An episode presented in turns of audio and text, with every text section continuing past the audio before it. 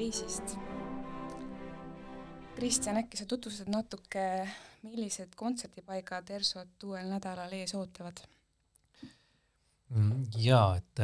et nagu sa ütlesid, see eh, reis viib ERSO tõesti Euroopa südamesse ja just mm, see on väga oluline, et, et orkester saab, saab ennast proovile panna tõesti sellistes linnades, kus iganädalaselt, iga, võib-olla igapäevaselt astuvad ju üles kõik maailma tipporkestrid. ja äh, alustame turneed Nürnbergis Ehm, peale seda sõidame Pariisi ja äh, turnee meil lõpeb Münchenis.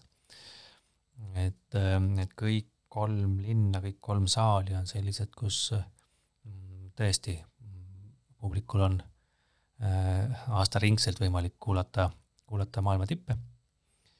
ja, ja nüüd ERSO äh, selles kontekstis ongi ennast ennast hoopis teistmoodi proovile panemas kui iganädalaselt Estonia kontserdisaalis? No viimased aastad on olnud nii ERSO jaoks kui ka laiemalt maailma orkestrite jaoks eh, pandeemia tingimustes palju paiksemad. eriti on see avaldanud mõju niisugustele kollektiividele, kes varem reisisidki terve hooaja vältel pidevalt ringi mil määral on see sinu arvates maailma orkestrimaastikku mõjutanud või isegi muutnud mm,? kindlasti on mõjutanud, ähm, et äh, just äh, suured sümfooniaorkestrid, äh, kui nüüd päris, päris esimese suurusjärgu tipud välja arvata, Berliini Filharmoonikud või mõned sellised orkestrid, siis kindlasti praegu liigutakse natukene vähem ringi. et, et üks asi on pandeemia, seniajani ju mõned riigid jälgivad täpsemalt oma numbreid, reeglid on igas riigis erinevad. Mm, ja äh, päris igal pool ei ole ka publik niimoodi tagasi saalidesse jõudnud, nagu näiteks Eestis seda on, et, äh, et, et ka korraldajad on ettevaatlikumad. ja samal ajal taustal ka just roheteemade ja keskkonnateemade kontekstis sellised sümfooniaorkestrite väga laialdasi liikumisi võib-olla natukene pannakse eh, kas kahtluse alla või mõeldakse natukene täpsemalt läbi, et, et, et kuidas neid optimaalsemalt eh, teha. sest kui selline sadakond inimest sõidab, siis võib-olla ta maailma sellise massiivse lendamise kontekstis tegelikult see sada inimest ei ole ju väga, väga suur, suur hulk, aga ta jällegi sümboolselt võib-olla jah, kontserdikorralduses hakkab nagu silma ja kontserdi korraldajad, turneede korraldajad mõtlevad, mõtlevad ka just selle peale, et kuidas, kuidas orkestrite reisimise juures eh, siis ökoloogilist jalajälge vähendada ja mõeldakse ka just turneede korraldamise puhul natukene rohkem läbi, et, et, et, et oleks, oleks need natukene optimaalsemalt korraldatud. et selles suhtes äh, oleme jah, väga rõõmsad, et meil nüüd peale koroona aastaid, kui me tegelikult juba ju oleme natukene ka sõitnud, et, et ka päris koroona aastatel päris me, päris meil sõidud äh, ära ei jäänud, äh, küll kuigi mõned jäid ka ära, aga, aga siis ühel aastal käisime Lätis, teisel aastal Poolas, Varssavi saalis, mis äh, oli ka orkestri jaoks oluline, siis nüüd oleme jah, just selleks hooajaks siin kaks äh, suuremad ja olulisemad turneed jällegi eh, saanud, et see on hästi tähtis just, et, et orkester ei jääks ainult siia koduseinte vahele, vaid meil päris mitmel põhjusel eh, sõidaks ka ringi, et nii esindaks Eestit kui, kui paneks just ka ennast proovile erinevas akustilises keskkonnas. ja tegemist on ju vist ka esimese pikema reisiga meie praeguse peadirigendi Olar Eltsiga. Eh, jaa, et, et me eelmisel sügisel äh, käisime Varssavis Sümfoonia festivalil, aga nüüd on ja siis äh, seekord kolmest kontserdist äh, koosnev turnee. sina ise alustasid ERSO-s juhatuse liikmena tööd kahe tuhande viieteistkümnendal aastal. millised on olnud selle aja kõige eredamad mälestused just nimelt väljasõitudelt? Mm, no võib öelda, et tegelikult iga selline väljasõit on omamoodi ere. et ma just ka mõtlesin selle peale, et umbes eh, viisteist lühemat või pikemat eh, eh, sõitu on selle aja jooksul olnud. Kõige kaugemad nurgad on olnud siis Hiina, Hongkong, Ameerika turnee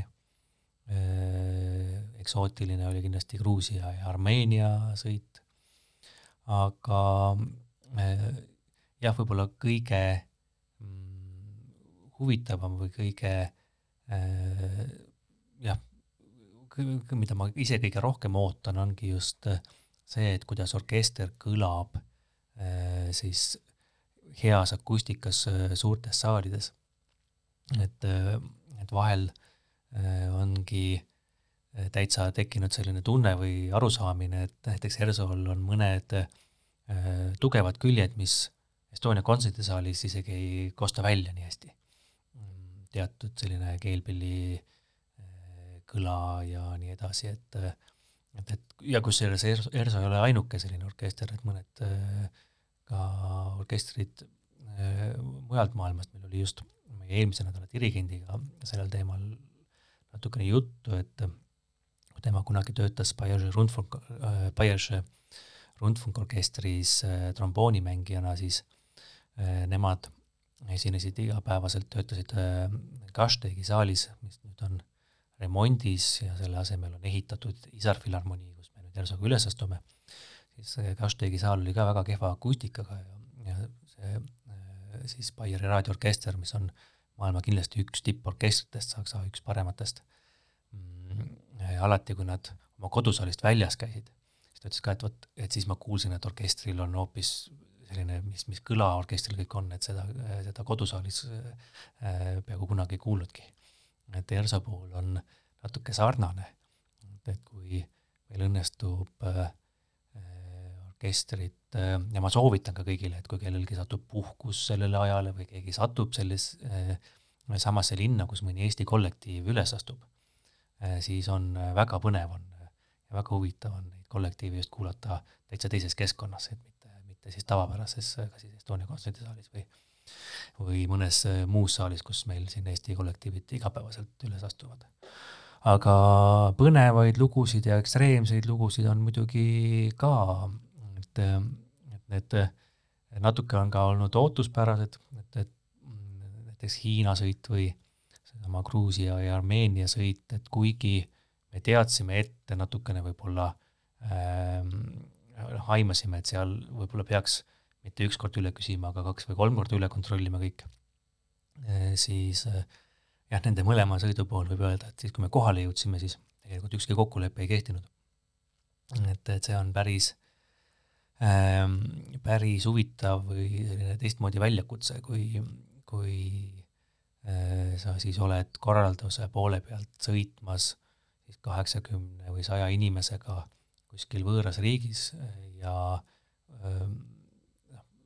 igal hommikul ärkad üles teadmisega, et äh, ükski kokkulepe ei pruugi kehtida. et kõike peab igaks juhuks hakkama otsast peale, otsast peale üle kontrollima ja tihti tihti paljud asjad ei olnudki nii, nagu need olid lubatud ja räägitud. ja siis oli vaja kiiresti lahendusi leida ja niimoodi päevast päeva et, et ei saa öelda tervele suurele orkestrile, et nüüd meil lahendust ei ole, mingi lahendus peab lõpu, lõpuks kuidagimoodi nagu tekkima. et, et, et kui me jah, Hiina jõudsime, siis äh, palju lubatud kohapealsed instrumendid ei osutunud üldse nendeks äh,, mis meie jaoks häid äh, instrumente meenutavad. ja esimeses linnas lausa oligi toodud kontrabassid otse tehasest Äh, niimoodi, et ka roope polnud äh, parajaks lõigatud ja, ja siis pillile külge pandud või keelte alla pandud. et, ähm, et, et kuidas sellisest olukorrast kuidagi välja tulla, nii et, et äh, paari tunni pärast peab hakkama proov. et, et see oli noh, kõigile väga, väga meeldejääv või, või kui me sõitsime siis Pekingist kurikuulsasse Wuhani linna, kus on muide väga hea kontserdisaal, siis meie sõitsime rongiga, aga oli juba, hakkas tunduma, et vist ei jõua meil siis rekkaga sõitvad suuremad pillid ja noodid ja, ja esinemisriided kohale ja, ja kontserdipäeva hommikul äh, oligi nii, et, et siis kohapealsed korraldajad tulid sõnumiga, et tõesti ei jõua, et äh, auto on kuskil ummikus, hakkab otse Shanghai poole sõitma. ja siis oli vaja ka leida kuidagi, kuidagi lahendused ja, ja, ja me leidsime, toodi kiiresti, kibekiiresti toodi siis mõned riietenäidised, mida siis kõik said selga proovida ja kohapealsest äh, lõpuks me saime teada, et need olidki kohapealsest e-kaubamajast telliti kiiresti kogu orkestrile äh, riided. ja kuidas oli vaja siis kogu äh, siis kaheksakümne inimese noodimaterjal välja printida, mis meil küll oli mälupulga peal igaks juhuks skaneerituna kaasas. või siis otsisime sellesama Wuhani linna pealt äh, Äh, siis kõikvõimalikest kontakte pidi, äh, et kust saaks mingid pillid äh, mille peal, mille peal õhtul üles astuda ja ka lõpuks see kontsert oli võib-olla selle turnee kõige paremini õnnestunud kontsert, sellepärast et et, et siis igaks juhuks juba selle jaoks, et kontrollida, kas kõik noodid on õigesti välja prinditud, oli vaja ka jällegi kogu, kogu kava läbi mängida, läbi vaadata orkestril oli paras selline adrenaliin ja, ja kõik olid väga erksad ja anti väga hea kontsert, kuna ka see saal on tõesti, tõesti väga hea. ja Hiina puhul oli võib-olla ka veel huvitav nüanss, mida osaliselt isegi alles tagantjärgi saime aru, aga ka koha peal, et, et, et kuidagi, et kui mingid asjad ei õnnestunud või mingid läbirääkimised ei õnnestunud ja siis tuli välja, et kuna, kuna meie selle sõiduga oli seal mitu kohapealset siis korraldajat või nad olid nagu erinevates asutustes natukene, üks oli rohkem riigiga ja siis seal parteiga seotud ja teised nagu mitte, et siis äh, tegelikult tuligi välja jah, et neil oli kohapeal endal mingisugune hästi äh, suur võimuvõitlus. ja lepid ühe inimesega midagi kokku, aga siis pärast tuli välja, et tema tegelikult ei olekski tohtinud äh, seal nende hierarhias midagi lubada või üldse isegi suhelda ehm, ja, ja kogu aeg ta-, mingisugused asjad takerdusid, et räägid, räägid, räägid, räägid, aga asi ei lähe edasi. või siis, kuidas meid üldse ei usaldatud, et, ähm, et, orkester, äh, orkester mingisuguseid asju ise korraldaks või mõtleks, et, et see tuli ka välja, et neil endal seal osadel, osadel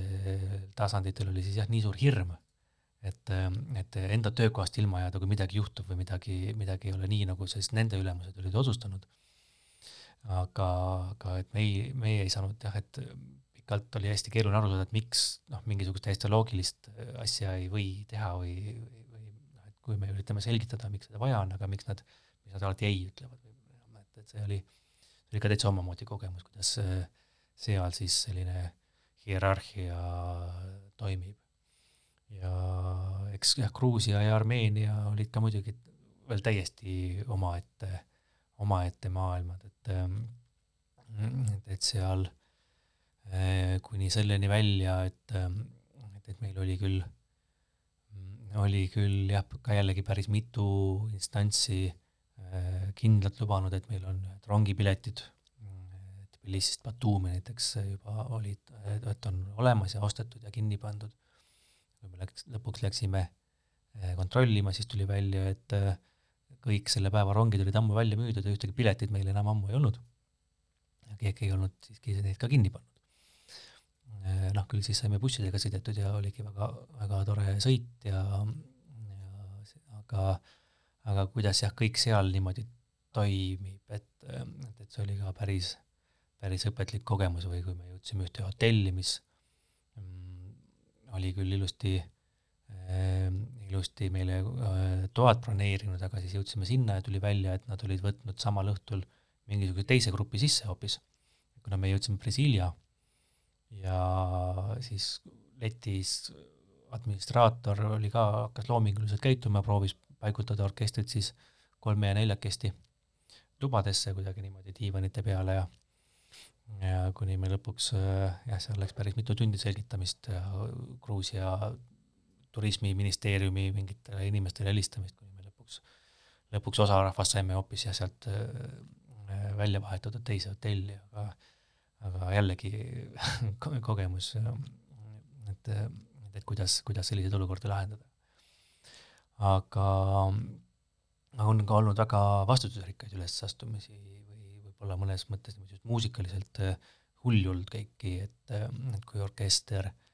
Äh, sõitis, äh, andsime kontserti lahtis Sibeliuse festivalil Sibeliuse kavaga, kus alati astuvad üles just Soome orkestrid, mõned Soomes töötavad kolleegid rääkisid, et kui nemad oma orkestriga lähevad, siis nad võtavad kaasa originaalnoodid, mis tähendab, et on Sibeliuse oma märkmetega. Ja loomulikult soomlased ju teavad, kuidas Sibelius peaks mängima ja siis minna siis niimoodi Eesti orkestrina Sibeliuse festivalile. Äh, need kontserdid läksid väga kenasti korda tookord ja, ja järgmisel aastal oli mõnes mõttes veelgi hulljulgem eh, turnee, kui me siis sõitsime Brucknerit mängima Bruckner festivalile eh, Lintsi ja eh, turnee algas eh, Viini musikverainis ka siis Bruckneriga, et mm, et need on orkestrile sellised parajad väljakutsed, aga kui need õnnestub eh, Eh, niimoodi korda saata, et eh, pärast tagasiside on positiivne, siis eh, muidugi on ka väga, väga tore tunne. No selle peale jääb üle vaid loota, et tuleval reisil läheb kõik plaanipäraselt, aga võiksimegi võib-olla natuke muusikast rääkida, et mis üldse neil kolmel kontserdil kavas on? Mm,? Nüüd sellel sõidul jah, meil on peateoseks Dvořáki kaheksas sümfoonia. Ja põhiliseks siis äh, sinna kõrvale Tšaikovski viiulikontsert äh, Daniel äh, Losakovitšiga ja alati me siis liidame kavadesse ka natukene Eesti muusikat. Pariisis paluti just ekstra Arvo Pärdi teoseid ja Saksamaal ähm, oleme pannud siis kavva Rudolf Tobiase Julius Caesari avamängu, mis äh, Äh, saksa kultuuriruumis võib-olla on just äh, huvitav, sest ähm,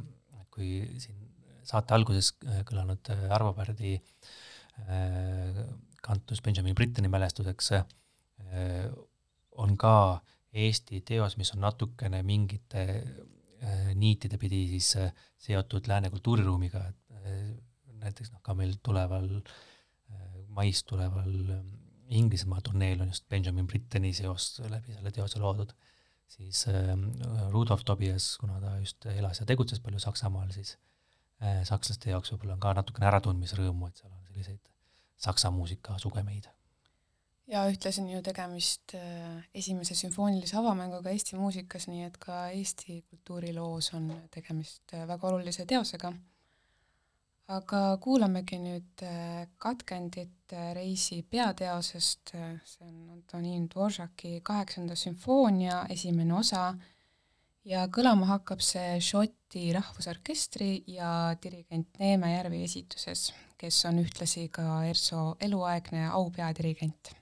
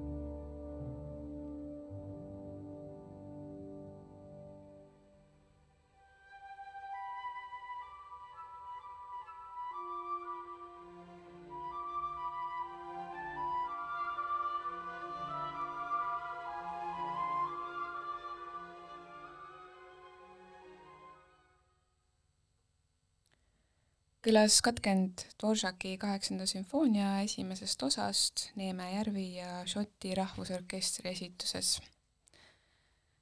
seda teost esitavad Erso ja Olari Elts juba järgmisel nädalal kolmes Euroopa kontserdisaalis Nürnbergis, Pariisis ja Münchenis. enne veel on seda ka võimalik kuulda kahekümne kaheksandal novembril Viimsi Artiumis samal õhtul kõlavad ka teised kontserdireisi teosed, Tšaikovski viiulikontserdi asemel kuuleb publik aga Mendelssohni esimest klaverikontserti noore Eesti pianisti Tähele Liivi ettekandes. Viimsi Artium on ühtlasi üks Eesti kõige uuemaid kontserdisaale ja ERSO astub äh, tuleval esmaspäeval seal üles juba teist korda nimelt kahekümnendal augustil täitsid ERSO kollektiivid Artiumi terveks päevaks muusikaga. räägi, Kristjan, kuidas Viimsi Artium ERSO-le kontserdipaigana sobib mm,? Eh, jah, võiks öelda, et mm, sellise, kui me räägime sellest kahekümnendast augustist korraks, eh, siis sellise ühepäevase festivali formaat sobib sinna täiesti ideaalselt, et seal on erinevaid saale, erinevaid võimalusi, ehm, just kui me oleme siin viimaste aastate jooksul katsunud just välja tuua ehm, just seda külge, kui palju erinevaid ehm, kollektiive võib peituda ühe sümfooniaorkestri sees. ja, ja niimoodi sellisena erinevaid kontserdiformaate korraldanud, et siis selliseks päevaks on tõesti Viimsi äh, Viimsisse üks väga-väga äh, mõnus keskkond valminud, et äh, kui ma sattusin sinna äh, või kutsuti vaatama, siis kui alles ehitus oli pooleli, siis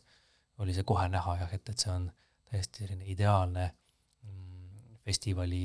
või ühe päeva festivali keskkond. Suur saal on ka neil päris kenasti õnnestunud, ainult et seal ei olnud ei saagi öelda, et Viimsi vald peaks nüüd mõtlema suurte sümfooniaorkestrite peale, et, et seal ei olnudki see tõenäoliselt ka eesmärgiks, et, see on natukene väiksem saal. Ja lihtsalt meil on kuidagi nüüd kujunenud, et Tallinnasse ja Tallinna lähiümbrusesse on valminud eh, mõned uued toredad saalid,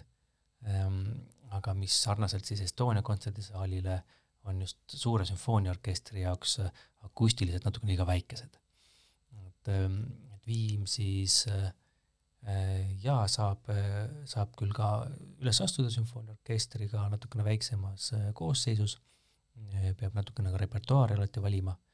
ähm, aga muidu, kuna jah, see äh, Artium iseenesest on keskkonnana väga mõnus, siis kindlasti me orkestriga seda külastame ka tulevikus peale Artiumi on ERSO-l sel hooajal kavas veel päris mitu kontserti väljaspool oma kodusaali Estonia kontserdisaali. septembris anti väga menukas kontsert äh, klubis Hall, sellest kõnelesime ka esimeses ERSO saates. aga millised saalid orkestrit hooaja jooksul veel ees ootavad mm,? jah, nüüd äh, enne jõule me jõuame äh, peale Pariisi, jõuame Põlvasse see on kindlasti hästi oluline, et ERSO-ga, ERSO-ga Eesti väiksemates, väiksemates kohtades äh, aeg-ajalt üles astub ja jaanuaris on meil ju kontsert siinsamas äh, Ida raadio lähistel Fotograafiskas. Ähm, ERSO viimati selles majas mängis aastal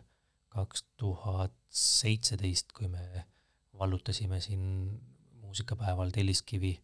ja tol ajal fotograafikat veel ei olnud äh, olemas, aga oli äh, punane maja ja punane saal, kus toimusid muidu peod, aga seal me siis tookord astusimegi äh, terve suure sümfooniaorkestrina üles niimoodi, et publik istus meil orkestri vahel. seekord on siis jah, selline üks meie audiospa sarja siis Ameerika minimalismi kontsertidest, kus on siis põhiliselt Adamsi ja Steve Reichi muusika väiksemate kollektiivide esituses. ja äh, siis edasi mm, ongi jah, maikuus ju ERSO-t ootamas äh, ees turnee Inglismaale ja Šotimaale, et, et, et mis on ka, kuigi ERSO on küll väiksemas koosseisus, keelpilli koosseisuga Londonis ka üles astunud Gramophone Awardsi üritusel kaks, aastal kaks tuhat kaheksateist, siis niimoodi suure sümfooniaorkestrina ongi ERSO esimest korda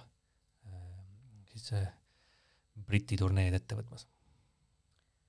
aga võib-olla räägimegi natuke lähemalt just Inglismaa turneest, et äh, mitu kontserti ERSO Inglismaal annab ja kellega koos esinetakse? Äh, jaa, me sõidame sinna jällegi koos Olar Jeltsiga, solistina on ka Fredi Kempf mm, ja äh, orkestril on kaksteist kontserti üsna lühikese perioodi vältel, mis on muidugi ka paras väljakutse, et et sellest äh, pikemaid või rohkemate kontsertidega turneesid ongi äh, väga harva, et äh, on küll kaks korda, kui on Ameerikas käidud, et siis on olnud, olnud kontsertide arv suurem. aga, aga jaa, see on hästi ka jällegi põnev, et kuidas, et kui meil on seal suuremad linnad nagu London, Edinburgh, hästi oluline kontsert meie jaoks on Birmingham, kuna seal on ka üks selline Inglismaa tippsaalidest ja kindlasti üks tipporkestritest töötab seal igapäevaselt ja on ka, on ka väiksemaid kohti, kus toimub ka vilgas kontserdielu, et Londoni orkestrid ju käivad ka väga, väga tihti regulaarselt Londoni lähistel nendes väiksemates saalides. Et, et siis ERSO siis samamoodi annab seal järjest, järjest tõesti kõikvõimalikes saalides kontserte, et, ähm, et see, ma arvan, sellise välisorkestri turneena kaksteist kontserti äh, Inglismaal, Šotimaal ongi üsna ka maksimum, et, et see õnnestus meil, õnnestus meil jah, nüüd niimoodi eelmisel kevadel kokku leppida, et meil koroona ajal tegelikult oli juba äh, tookord kokku lepitud äh, turnee aga siis tookord oli ainult neljast kontserdist juttu. et, see meil jah, kahjuks ei, jäi ära, et äh, meil äh, jah, orkester just tegelikult oli oma sellist turneede profiili äh, hästi üles ehitamas või üles saanud, et kui meil noh, ka tõesti tänu Eesti sajandale juubelile, millest oli ju turneede kontekstis alati väga hea rääkida, siis meil kaks tuhat kaheksateist aastal oligi kuus välissõitu lühem, ainult ühe kontserdiga sõita, aga ka pikemaid sõite. ja sealt edasi, kaks tuhat üheksateist aastal olid ka olulised kontserdid äh, Prantsusmaal ja, ja siis äh, Austrias, Saksamaal, Tšehhis, mm, siis äh, koroonaaeg lõikas jah, selle niimoodi katki, et juba kokku lepitud sõidud tookord jäid ära, aga seda enam olemegi rõõmsad, et see nüüd õnnestub meil jällegi rongile tagasi hüpata. kuidas üldse niisugused välisreisid orkestri mainet mõjutavad ja kas need on kaasa toonud ka mingisuguseid uusi koostöid? Ehm, jaa, nad eh, on selles suhtes ikkagi olulised, et orkester, kui me räägime sellest, et eh, klassikaline muusika on ju hästi selline rahvusvaheline, et, et mm, ühest küljest on oluline, et meil Eestis äh, siin ERSO esitaks muusikat seinast seina, mm, sest äh, oleme ikkagi äh, sisuliselt ainuke regulaarselt äh, koos käiv suur sümfooniaorkester, kes just on sümfoonilise spetsiifikaga, et ooperites on ka orkestrid, aga nemad pigem mängivad ooperit mm,. aga ERSO just ka Eesti visiitkaardina, kuna klassikaline muusika on hästi rahvusvaheliselt ka lihtsasti mõistetav, siis visiitkaardina me kindlasti kindlasti toimime ja, ja see on oluline, et, et, et me käiksime ka just äh, sellistes äh, tippsaalides, suurlinnades oleksime olemas. ja koostöid ähm, tekib alati, kui, kui turneed hästi lähevad, siis ähm, on tihti võimalus leppida kokku juba järgmine turnee, et me töötame hetkel ähm, täiesti noh, võibki öelda maailma ühtede kõige suuremate agentuuridega, meil äh, praegu nüüd seda Kesk-Euroopa turneed korraldab äh, Kade Schmid, mm, Inglismaale sõidame IMG Artistiga koostöös, mm, töötame koos ka Opus kolmega, kes on Ameerikas just üks suuremaid tegijaid. et, ähm, et, et just, et nende agentuuridega püsiv koostöö edasi kestaks, et on alati hästi oluline, et meil need turneed õnnestuksid. ja tihti ka näiteks, et kui on mõni äh, turneel äh, ka kokku pandud välissolist äh,, näiteks äh, Ameerika turneel meil oli hea koostöö Gary Coulsoniga, kes pärast tuli ka Eestisse esinema äh,. või siis kasvõi on, tuleb mõni dirigent äh,, solist äh, kontserdile ja tekib selles kontekstis mõni, mõni mõte või selline koostööplaan, et, et on meil Hiinas kuulanud Meersa kontserdi Tandun, mm, meil nüüd sellel talvel ERSO ette tulev Poola siis selline vana maestro tippdirigent Antoni Vitt, kes meid kuulaski siis Varssavi Eufoonia festivalile, kui tuli siis jutuks koostöö, et ta tahaks kindlasti tulla meiega tööd tegema. ja selliseid, selliseid koostööpunkte on teinegi kord tulnud. saabuvale kontserdireisile sõidab ERSO koos noore Rootsi viiuldaja Daniel Osakovitšiga ja Eesti publik kuulis seda juba kolmekümnendal septembril Estonia kontserdisaalis. kuidas ERSO esimene koostöö Losakovitšiga möödus? Mm,? Tegelikult meil esimene koostöö oli juba aastal kaks tuhat üheksateist äh, Montpellier Radio France festivalil, kui siis sai koos esitatud Beethoveni viiulikontserti. ja siis pididki olema tegelikult meil kohe veel ka jätkukoostöö Salzburgis kahe kontserdi näol. Need pidid meil olema siis kaks tuhat kakskümmend üks aasta alguses, mis jällegi siis jäid tookord ära. Mm, nüüd äh, oli Daniel Tšaikovski viiulikontserdiga meil Estonia kontserdisaalis, et see oli tal siis esimene äh, ülesastumine Eestis äh,. oli väga äh, selline äh, energiline koostöö, kuna ta on selline väga omanäoline viiuldaja äh,, tal on muusikas äh, päris palju lubab endale vabadusi, mis on siis vaja orkestriga, orkestriga kokku saada ja, ja oli, ma arvan, meeldejääv õhtu kogu publikule, kes, kes saalis olid. ja, ja kusjuures eriti mul ongi jah, ka üks eredatest mälestusest muide ongi ka just seesama Prantsuse kontsert, et kui, kui ta Beethoveni mängis, siis oli ta veel ju mitu aastat noorem ja, ja noore viiuldajana tulla tookord nii loogiliste lahendustega, kusjuures ka see tookord, Beethoven oli hästi selliste vabalt esitatud, vabadustega esitatud, see kõik oli nii orgaaniline, et et, et seda oli tõesti väga huvitav kuulata, kuidas just oli orkestri ja solisti koostöö. aga kuulamegi vahelduseks viiuldaja Daniel Osakovitšit. kõlama hakkab kuues osa Tšaikovski teosest Kuus pala, opus viiskümmend üks esitajateks on Daniel Osakovitš viiulil ja Stanislav Solovjev klaveril.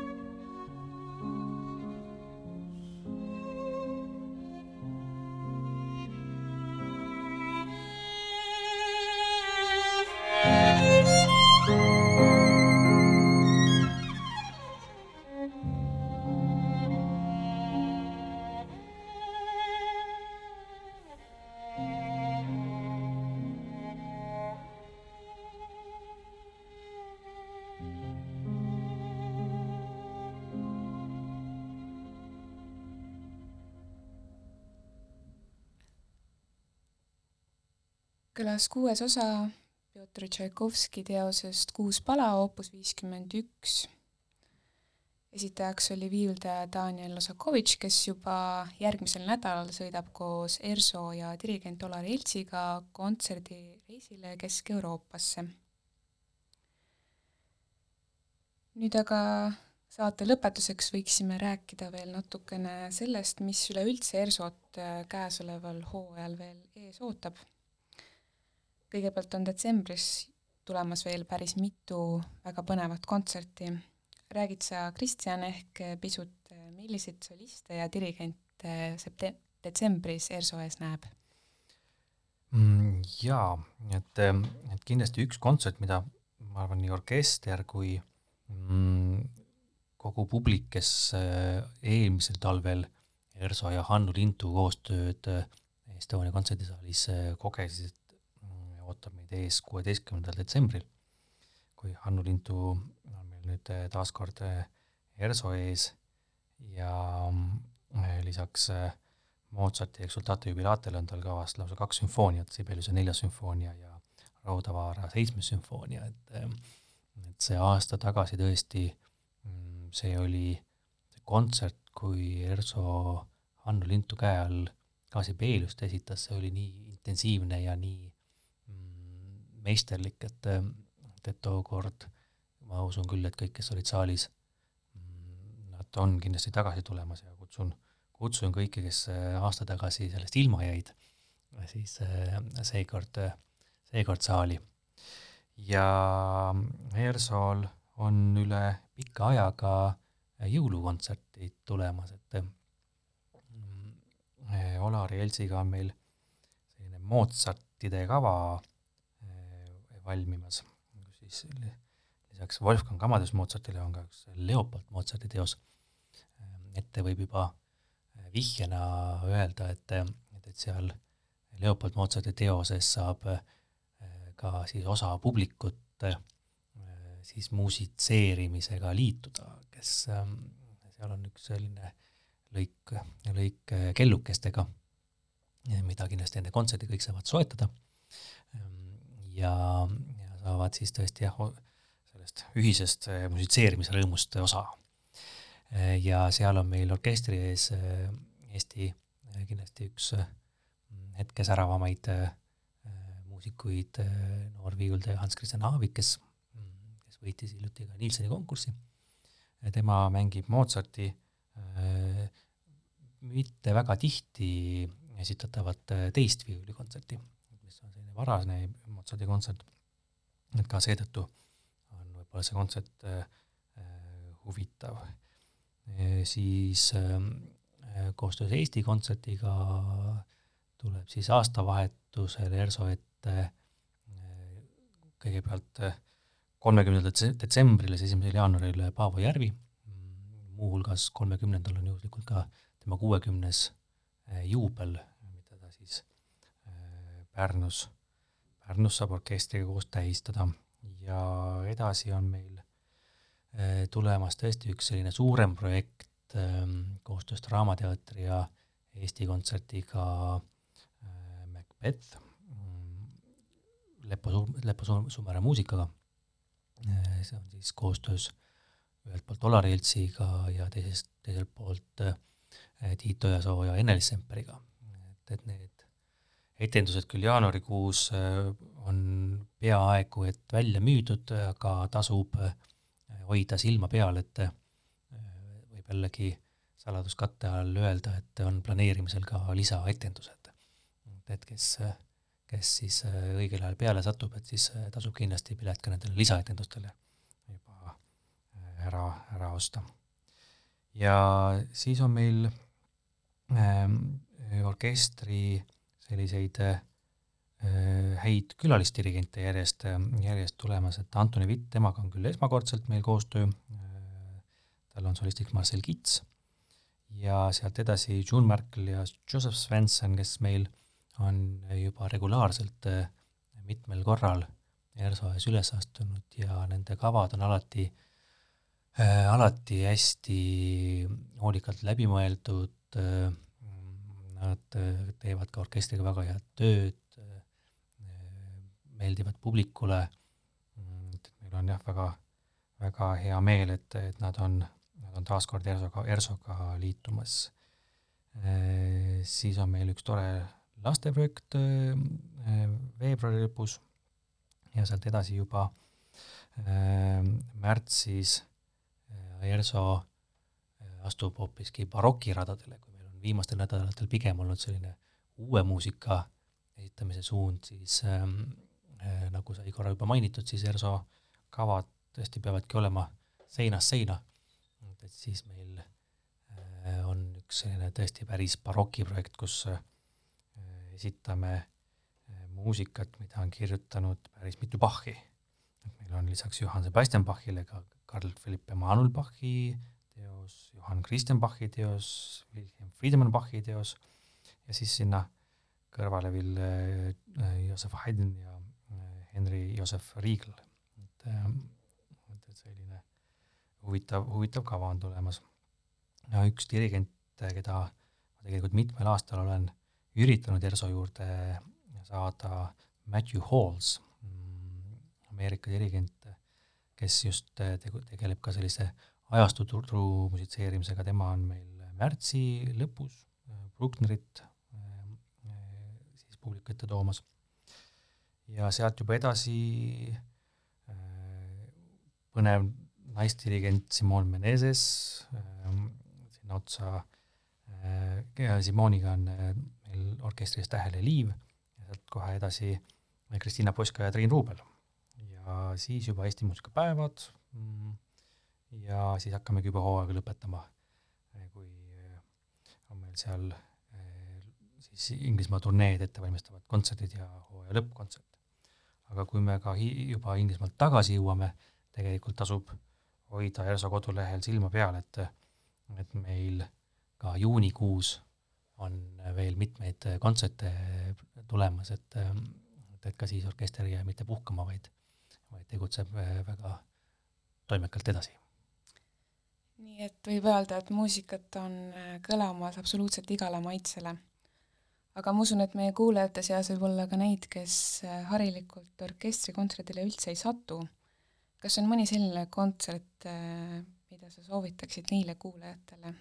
kes tahaksid ERSO-ga esimest korda tutvust teha? Mm, tegelikult milline iganes reedeõhtune kontsert sobib selleks vägagi hästi, sest mm, ei pea üldse kartma, et kas nüüd muusikast saab ühte või teistmoodi aru, et et paljud inimesed ongi enda jaoks sellise klassikalise muusika või sümfooniakontserdid niimoodi avastanud, on hakanud, noh, ta tihti keegi kutsub näiteks kaasa ja on sattunud järjest käima. Ja võib-olla esimene kord äh, on mõte natukene rohkem mujal ta natukene rohkem kaasas, aga tegelikult ka see on alati, see on täiesti okei okay,, kui mõte läheb mujale. et äh, tihtipeale tulevadki kõige, minul näiteks küll tulevad kõige paremad mõtted tulevadki kontserdi ajal. et see ei pruugi üldse äh, siis esitatava teosega samal ajal kokku käia. aga mida ma ka alati äh, olen kõigile soovitanud, et tõesti, kui reede õhtul tulla sellisele sümfoonilise muusika kontserdile, siis seda kvaliteetsem on pärast nädalavahetus selline mm, paaritunnine mõnes mõttes enda kõigest väljalülitamine ja ilusa sümfoonilise või millise sümfoonilise muusika kuulamine puhastab nagu natuke sellise mõtted ära ja seda puhanum pea on siis laupäeva hommikul. selline oli tänane ERSO saade, aitäh Kristjan Hallik stuudiosse tulemast, mina olen Anita Maasalu ja teiega, head kuulajad, kohtume juba järgmises saates seniks aga ootame teid Estonia kontserdisaali kontserdile.